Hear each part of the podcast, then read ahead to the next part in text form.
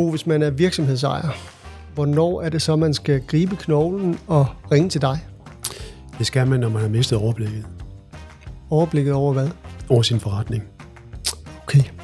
Det her er Maskinrummet, en podcast fra Erhvervshus Fyn, og mit navn er Jan Bunde, og i dag skal vi tale om early warning, altså det her system, som der findes i Danmark for virksomheder, der er i problemer.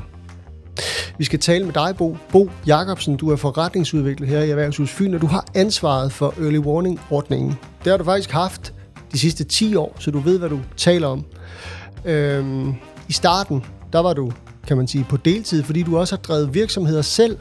Faktisk har du prøvet både at starte og måtte lukke en virksomhed, så du har også en erfaring med dig i forhold til det. Ellers har du været direktør flere andre steder. Du driver også en virksomhed i dag, som arbejder med udvikling af patenter, men det er, og det skal vi huske at sige, en virksomhed, der ikke på nogen måde er i konkurrence med de virksomheder, du hjælper. Velkommen til. Tak. Se, den næste halve times tid her, der skal vi tale, øh, komme kom godt rundt om det her early warning program, og vi kommer til at tale med, hvad det er for en proces, man løber ind i, øh, hvad det er for nogle røde lamper, som der er derude, og, og, øh, og selvfølgelig, hvordan at øh, early warning programmet kan hjælpe øh, de her virksomheder. Og øh, jamen, så skal vi jo også, øh, det er jo et alvorligt emne, kan man sige, fordi det her, det er jo folks levebrød. Øh, både dem, som ejer virksomheden, men selvfølgelig også dem, der er ansat i det. Øh, så vi, øh, jeg håber, at vi går ud på, på noget positivt. Øh, det har vi sådan, vi, vi har har i hvert fald lagt en lille plan for, at vi, når vi snakker fremtid, så, så er der også et håb derude. Øh, men, men Bo, øh, bare sådan helt kort her, har det været et travlt år? Eller er det et travlt år? Det er det, ja. Det er rigtig travlt. Det er det travleste, vi har haft det i den tid, jeg har været med. Okay, vi kommer tilbage til det. Men hvad er Early Warning-programmet? Nu kan vi lige så godt tage det sådan helt fra, fra begyndelsen af. Early Warning-programmet er, består af en delvis øh, frivillig organisation. Det er, der er nogle fastansatte, hvor jeg er en af dem, og så har vi en stor øh, frivillig gruppe af, af rådgivere. Og øh, det udgør sådan set vores, øh, vores program. Okay, hvad hedder det? Og de her rådgivere, det er, som er frivillige, det er så nogen, hvordan finder man dem, eller hvordan bliver man rådgiver, hvis man gerne vil være det? Det gør man ved, og ofte ved man hører om programmet, og så, tænk, så tænker man, gud, jeg vil, egentlig godt, øh, jeg vil egentlig godt gøre en indsats, uden jeg skal sende en faktura, øh, og simpelthen for at betale noget tilbage til samfundet. Men også fordi, vi, hvis man nu har drevet en virksomhed i 40-50 år, og pensioneret sig selv og fundet ud af, det, det er måske ikke det mest spændende, jamen så vil du egentlig gerne ud og være aktiv igen og bruge ja. det, du har brugt øh, 40-50 år på at forfine dine kompetencer og dine menneskelige egenskaber. Der er det en fantastisk mulighed for at gøre en forskel for de mennesker, som ligner en selv, altså selvstændig. Bo, du skal lige tage din mikrofon lidt tættere på munden, ja. ellers så skal du træde hen til den. Jeg prøver lige at Men det er jo en super fin måde at, at, kan man sige, lade sig pensionere på, hvis man kan sige det på den måde, fordi man, man, øh, man kan gå ud og, og bruge den der erfaring til at hjælpe andre. Øh, Early Warning er jo et nationalt øh, projekt. Hvor mange, øh, hvor mange er der i Danmark, og hvor mange er vi her på Fyn? På Fyn er vi øh, undertegnet mm. som den, der tager imod henvendelser og udreder virksomheden, og så er vi 15 øh, frivillige rådgivere. Øh, på landsbasis er vi omkring, øh, jeg tror det er 12-13 konsulenter som mig, ja. og så er vi 130 frivillige rådgivere okay. i, det, i ja, cirka. Ja, og I er så regionalt opdelt, kan man sige. Vi er først opdelt efter regioner, ja, ja. og vi er jo så i vores region to erhvervshuse, mm. hvor jeg så tager med af Fyn. Ja, der er, hvad hedder det, Erhvervshus Fyn, og så er der Erhvervshus Syd. Ja. ja. Okay, så det er sådan lidt om, hvad early warning er for noget. Øh, hvad er så processen, hvis man øh, sidder derude, og man tager kontakt?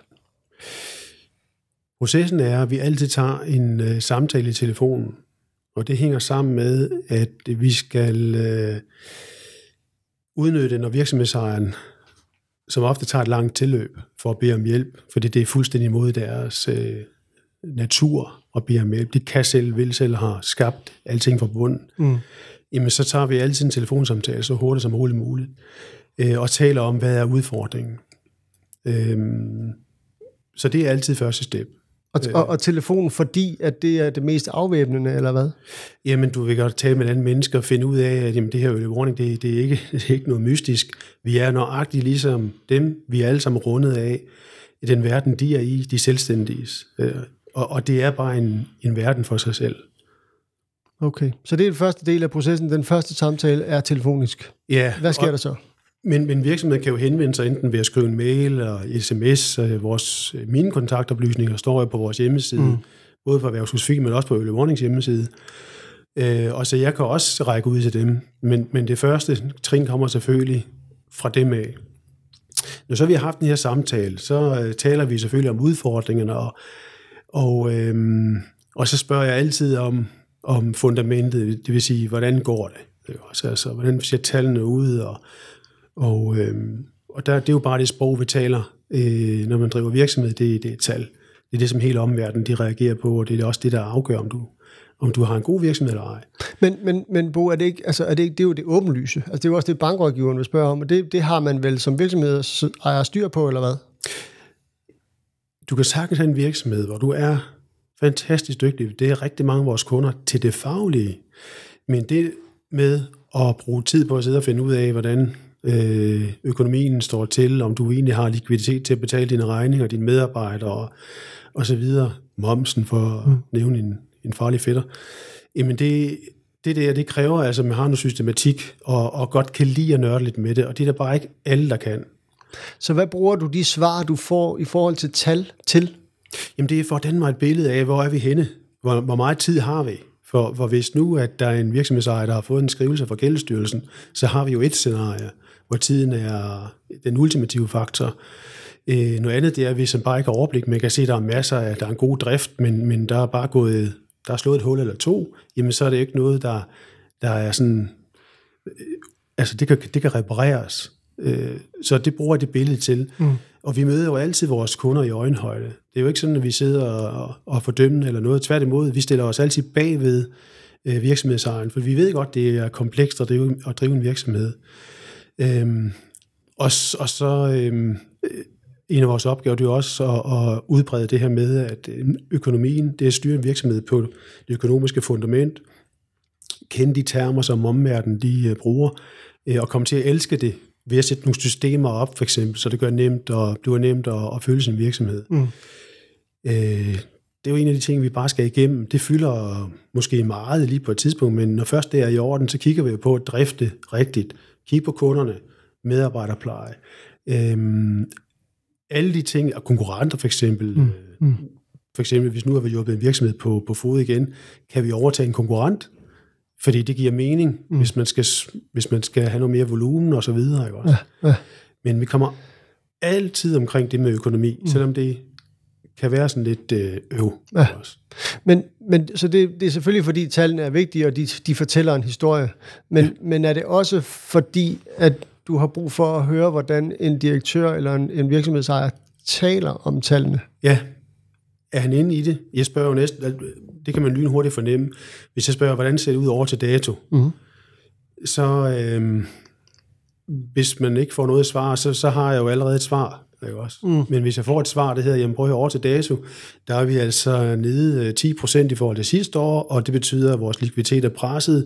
Det betyder også, at jeg skal nok have hævet kaskreditten eller jeg skal måske have um, den næste momsbetaling ved at lige bide over i seks ja. øh, Så har de styr på alt, hvad der hedder begreber og sådan noget. Lige præcis, fordi ja. så, så, okay, så tager det jo tre sekunder at snakke økonomi. Ja. Så er det noget helt andet, så, så hopper vi videre mm. I, mm. i den her 360-graders undersøgelse, vi laver. Ja. Okay, så øh, der er ringet op, øh, hvad hedder det, du har, du har hvad hedder det, spurgt til tallene. Hvad er, så, hvad, hvad er så det næste i processen? Ja, det første, jeg spørger om, det er jo, hvad er problemet? Mm. Og så kommer vi altid omkring tallene, og så snakker vi også om altid noget andet. Øh, men det næste, det er, så vil jeg gerne ud og se virksomheden. For en ting, det er, hvad virksomhedsejeren øh, fortæller, øhm, og det er, jo, det er jo svært at fortælle det hele på en, en, øh, en telefonsamtale mm. på en halv til en hel time. Mm. Kom ud og kig på det, og, øhm, og spørg ind til nogle ting. Altså, det giver mig et, et meget bedre billede af, hvad vi er med at gøre, og det reelle behov, som virksomhedsejeren har. Ja. Det gør også en forskel, at jeg møder personen øh, direkte, for at finde ud af, hvordan han eller hun er, så jeg kan matche til den rigtige frivillige rådgiver, hvis, der, hvis vi skal bruge sådan en senere. Okay. Og det vil være næste step, at den frivillige rådgiver så bliver koblet på, eller hvad? Ja, jeg dykker så ned i materien og finder ud af, jamen, de udfordringer, virksomhedsejeren har, det er A, B og C. Og så kigger jeg jo selvfølgelig på, øhm, hvilke af vores frivillige rådgiver er de bedste til at adressere de her problemer, øh, samtidig med, at øh, jeg lige kigger lidt på øh, kemisk. Hvad tror jeg, hvem tror jeg vil være god til den ja. her virksomhed? Ja. Sådan er vi jo alle sammen. Mm-hmm. Øh, og så næste trin, det er at lave et matchmøde. Det vil sige, så mødes vi alle sammen, øh, virksomhedsejere, frivillige og mig, mm-hmm. øh, og snakker det igennem. Hvis der er et match, som der jo er 99 af gangene, ej, næsten 100% af gangene, jamen så er rådgivningen i gang. Og det er en rådgivning. Mm. Det er under rådgiveransvar. Okay. Hvor lang en proces vil sådan et early warning forløb normalt være? Normalt så tager det fra et par måneder op til et halvt, måske et helt år. Og det har noget at gøre med, at øh, man skal lige have, man skal have slukket ilden, men så vil der stadigvæk være noget røg derefter. Ikke også? Ja, ja. Og, øh, og der skal man lige sikre sig, at den ikke tager fat igen. Så når man først der ligesom har styr på den akutte situation, så begynder man ind i et forløb, hvor man bygger en bedre struktur op, hvor ledelsen kan, kan foregå nemmere og på, på ejerlederens øh, præmisser. Mm. Så hvad passer godt til dig? Jamen, jeg vil egentlig gerne gøre sådan sådan, sådan fint. Jamen, så hjælper vi, vi sparer med dig, så vi får bygget et system, som du er god til at, at, at drive. Mm. Også. Ja. Og øhm, som udgangspunkt, der har vi, der siger vi, vi laver, vi tegner en, en, en kontrakt med virksomheden, der egentlig øh, legner de værdier op, vi arbejder efter, men det er også samtidig en rådgiveransvarsforsikring. Og der står der, at rådgivningen den kører maksimalt 6 måneder. Og det, og det, er simpelthen, det er simpelthen noget, vi har sat ind, øh, fordi ofte, når man er kriseramt, så kan man miste sine øh, prioriteringer lidt, og man sin tidsfornemmelse. Og øh, der har vi simpelthen fundet ud af, når vi sidder, sætter en deadline, som er 6 måneder, mm. så sker der noget inden for 6 måneder. Hvis ikke der var nogen deadline, så vil det måske køre i meget længere tid, og det er ikke til nogens fordel.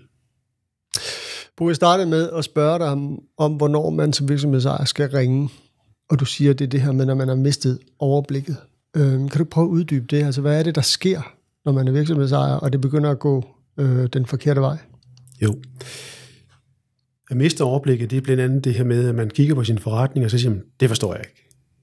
For eksempel, gud, jamen på det her tid af året, der plejer jeg at have en million stående i plus på øh, kaskerdelen. Nu har jeg trukket den op til næsten maksimum. Mm. Hvorfor?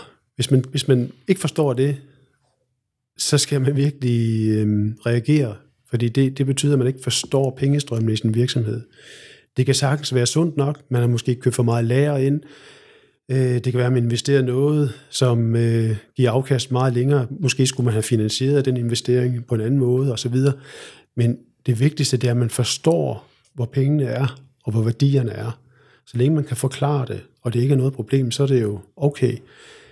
Men hvis der mangler likviditet til at betale lønninger, eller hvis man lige pludselig skal til at dele momsen op i, i flere betalinger, mm. øh, eller er der værst, hvis ikke du kan betale en kreditor, så er du i farzonen. Og det, som du typisk oplever, det er, at det er et mangel på overblik, som, som, øh, som du modtager, når, du, når folk ringer op. Ja, det kan man godt sammenfatte under, ja. ja. Og det, det har så alle mulige andre betegnelser, men det er det her mangel på forståelse. Altså, mit over, overblikket over min forretning er der ikke. Mm.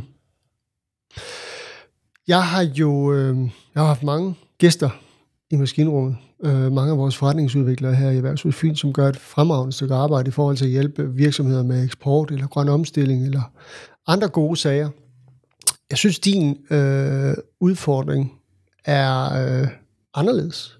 Jeg tænker på det sådan øh, mellemmenneskelige, altså det her, øh, det her mentale pres, som, altså du, du, du, øh, du får jo mennesker i røret, som du siger det selv, i et eller andet omfang er, befinder sig i en krise. Det må også kræve noget andet øh, af dig, der sidder i den, den modtagende ende, og du har gjort det her i 10 år. Hvad, hvad, tænker, du, øh, hvad tænker du om det? Jamen, det er rigtigt set. Man kan også vente rundt og sige, at det giver jo så meget mening.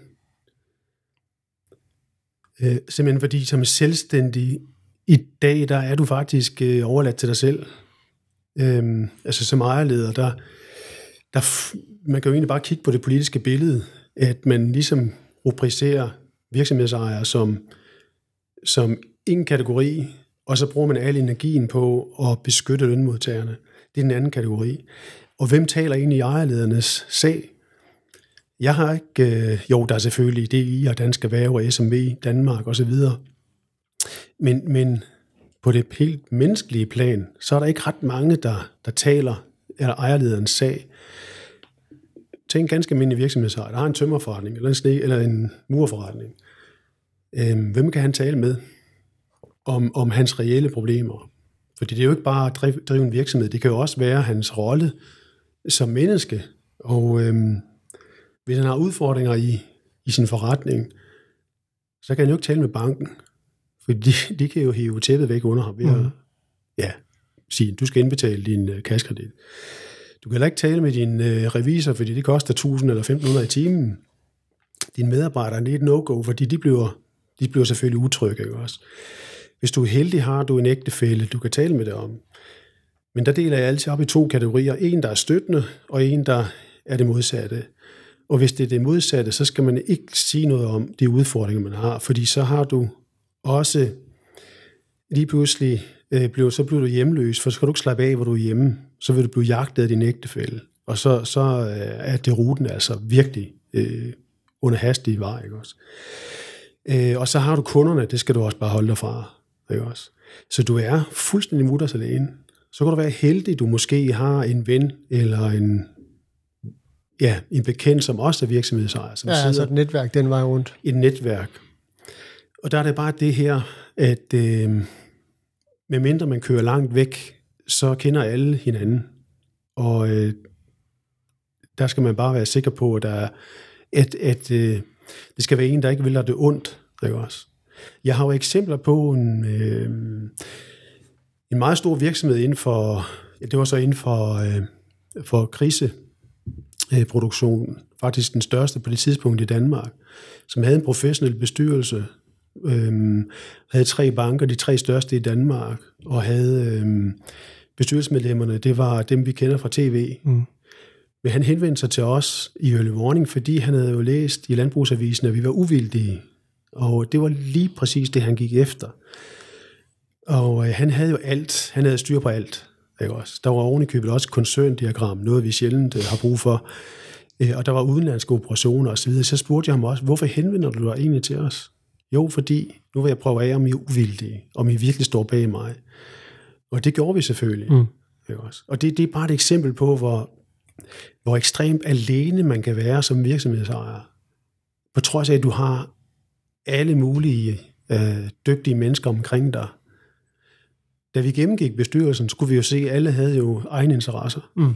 Og derfor så, øhm, så gav det jo mening for ham at, at tale med med en af vores frivillige, øh, som øh, Føvet selv havde drevet en gård som ejer, uden at være involveret i en mm. drift mm.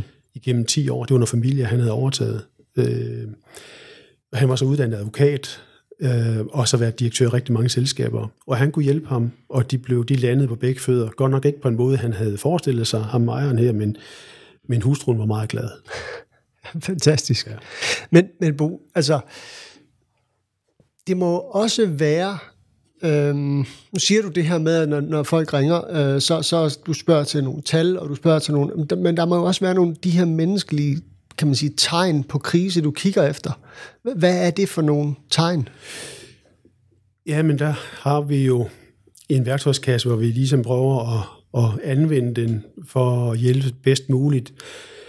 Øhm, og det er egentlig også for at møde virksomhedsejeren der, hvor han er. Fordi hvis man er virkelig stressramt, eller virkelig ramt øh, krisemæssigt, så har man, så er der nogle ting, man har svært ved. Mm. Og der er vi nødt til at møde dem der, hvor de er.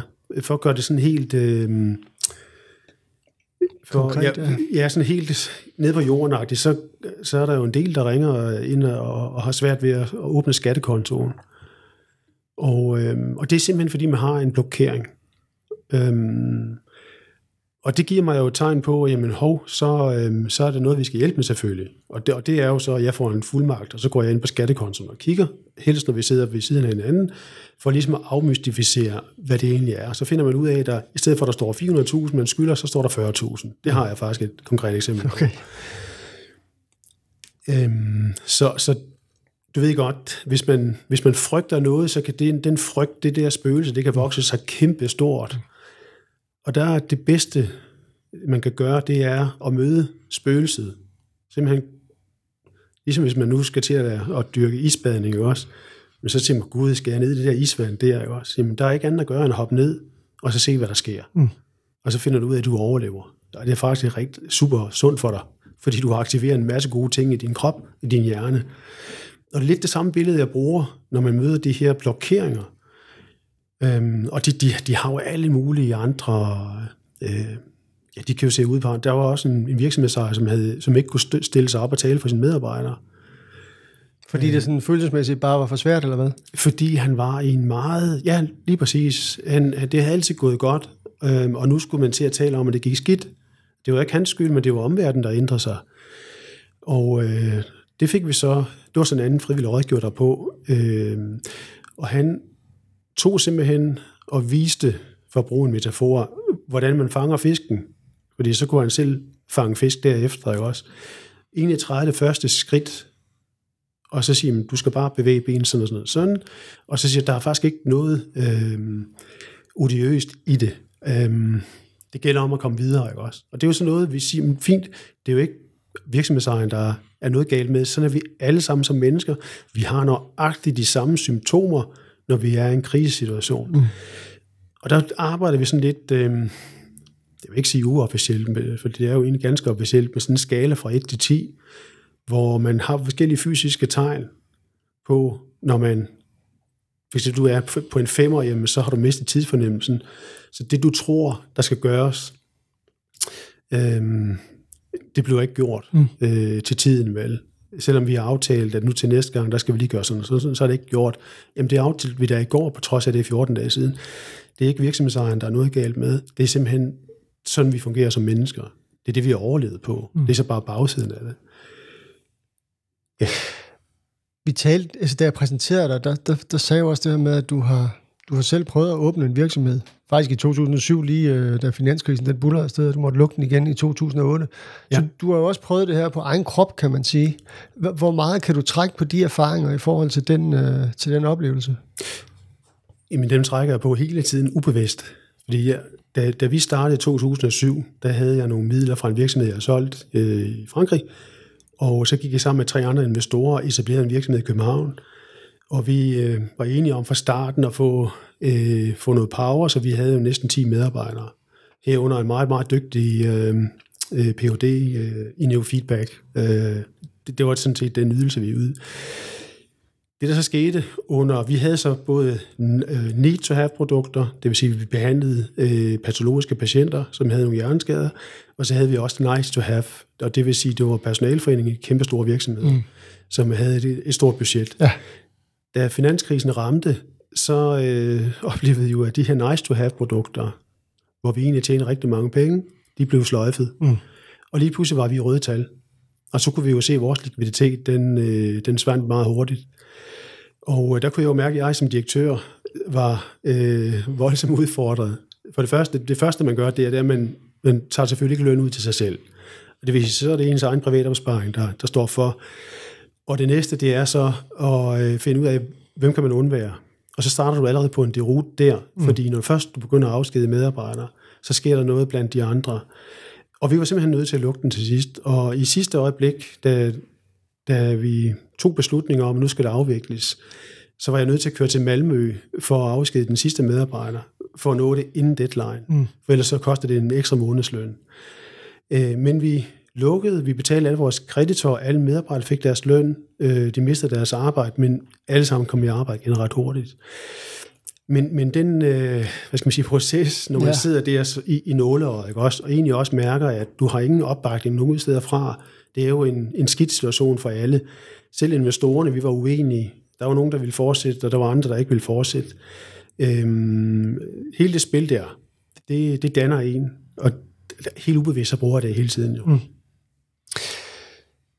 Men hvorfor, Bo, overhovedet have det her job? Fordi øh, du kunne jo, du, har, du er jo direktør, du har du driver din egen virksomhed, du har prøvet alt muligt andet. Øh, nu befinder du dig i et, et minefelt, hvor du sådan set skal tale med folk i krise. øh, mange dage om året. Hvorfor overhovedet øh, tage det her job? Et kort svar, det er, at det giver mening. Og det næste er nok, okay, hvor kommer det så fra? Jamen, mine forældre var selvstændige i mange år, og jeg så jo både op- og nedture. Der var nogle oliekriser undervejs, og, mm. og min far øh, og mor var også fornøjet. Øh, det gik også i betalingsdansning på et tidspunkt. Det hedder noget andet i dag, det hedder rekonstruktion, men det er det samme. Og øh, at se den derute, når alt afhænger af din indtægt som ejerleder, det er bare en helt anden verden. Hvis du er syg, jamen så er der ikke nogen penge. Vel? Du kan ikke komme ud og levere, kunder, øh, levere varer til kunderne, mm. eller du kan ikke lave en transport. Hvor skal de penge komme fra? Der er ingen steder. Ikke også? Så folk, man, man går jo på arbejde, når man er syg. Ikke også? Det er vel ikke, øh, mm. det er jo ikke den verden, man, man ser i dag, vel? Men, og jeg synes jo egentlig, den opvækst, jeg har haft, det havde så mange gode, rigtig mange gode ting, mange værdier, som en er, er, er undervejs til at forsvinde. Øh, det her med, at, at øh, livet kan faktisk være ret simpelt, hvis du har en god idé og laver en forretning, og du har nogle glade kunder, og så får du nogle penge ind, så kan du have et godt liv. Du kan vise dine børn, at øh, hvis du har en god idé, så kan du faktisk øh, ja, tilbyde det til andre, som mm. også synes, det er en god idé, et godt produkt, og så kan du tjene penge på den måde. Det behøver ikke at være kompliceret. Øh, du kan få beslutning til, at du ser frugten af dit arbejde. Den kan være ultrakort. Det synes jeg bare er så spændende. Og den kultur ser jeg forsvinde stille og roligt. Der har aldrig været så få iværksættere, som der er lige nu. Der, det kan også skyldes det her corona, og det kan skyldes den her politiske beslutning om, at, at selvstændige, de, øhm, de må sejle deres egen sø, på trods af, at der var en lov, der skulle kompensere dem. Ikke også? Og alle det her støtteordninger, ting jeg siger, det gider ejerleder faktisk ikke. Men de tager det, når det er det. Ikke også? Øhm, det giver mening for mig, for jeg kan se den kultur, øh, vi beriger vores samfund, og den er desværre ved at... Den har det ikke godt. Mm. Men det er jo sjovt at høre dig tale om det her passioneret, fordi du jo egentlig, for at beskytte den der, kan man sige, liberale tankegods og den måde at leve på, er gået ind i det offentlige system for at hjælpe dem. Altså... Jamen, jeg har ikke nogen, jeg har ikke nogen øh, forbi omkring det offentlige overhovedet, fordi det er jo et super godt system. Mm. Men det er jo de mennesker, der er i det offentlige system, som danner systemet. Så hvis man vil ændre noget, så går man ind i det.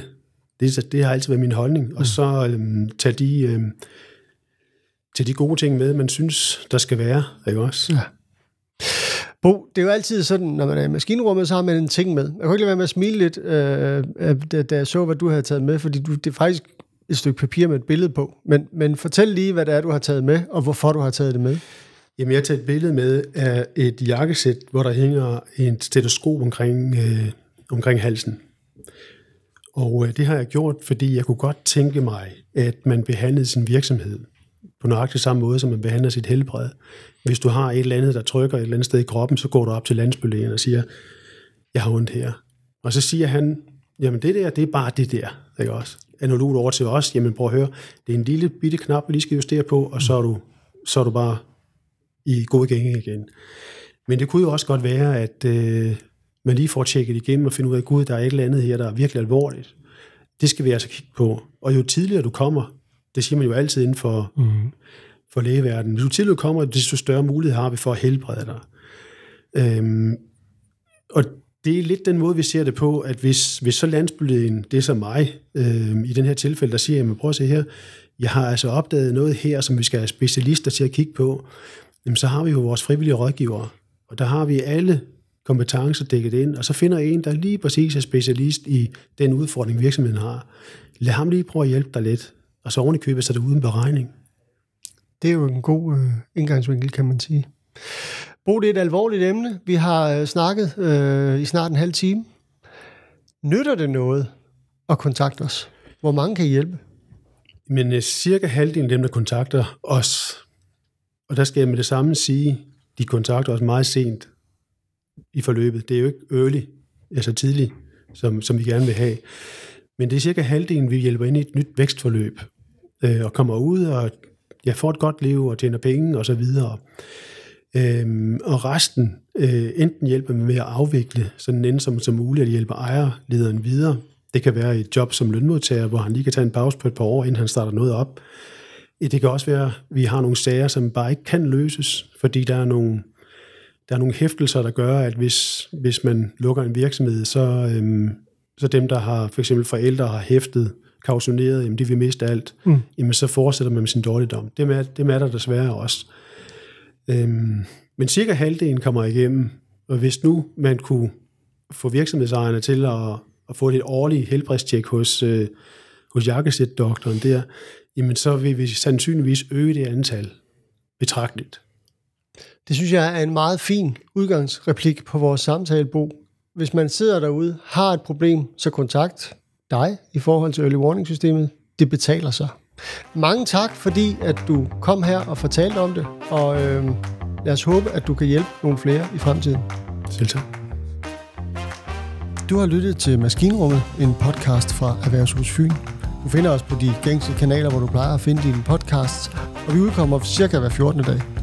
I mellemtiden så kan du følge os på LinkedIn, og du kan tilmelde dig vores nyhedsbrev.